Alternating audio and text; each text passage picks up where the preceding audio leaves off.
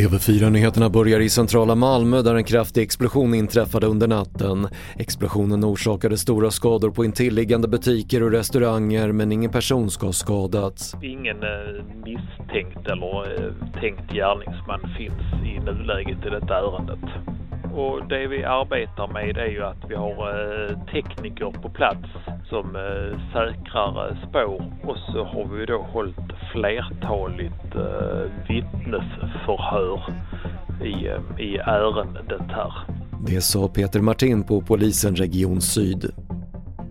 Idag återinförs vissa rekommendationer i Sverige för att minska smittspridningen. Det gäller bland annat att hålla avstånd i offentliga miljöer, använda munskydd vid trängsel i kollektivtrafiken och arbetsgivare ska erbjuda möjlighet att jobba hemifrån.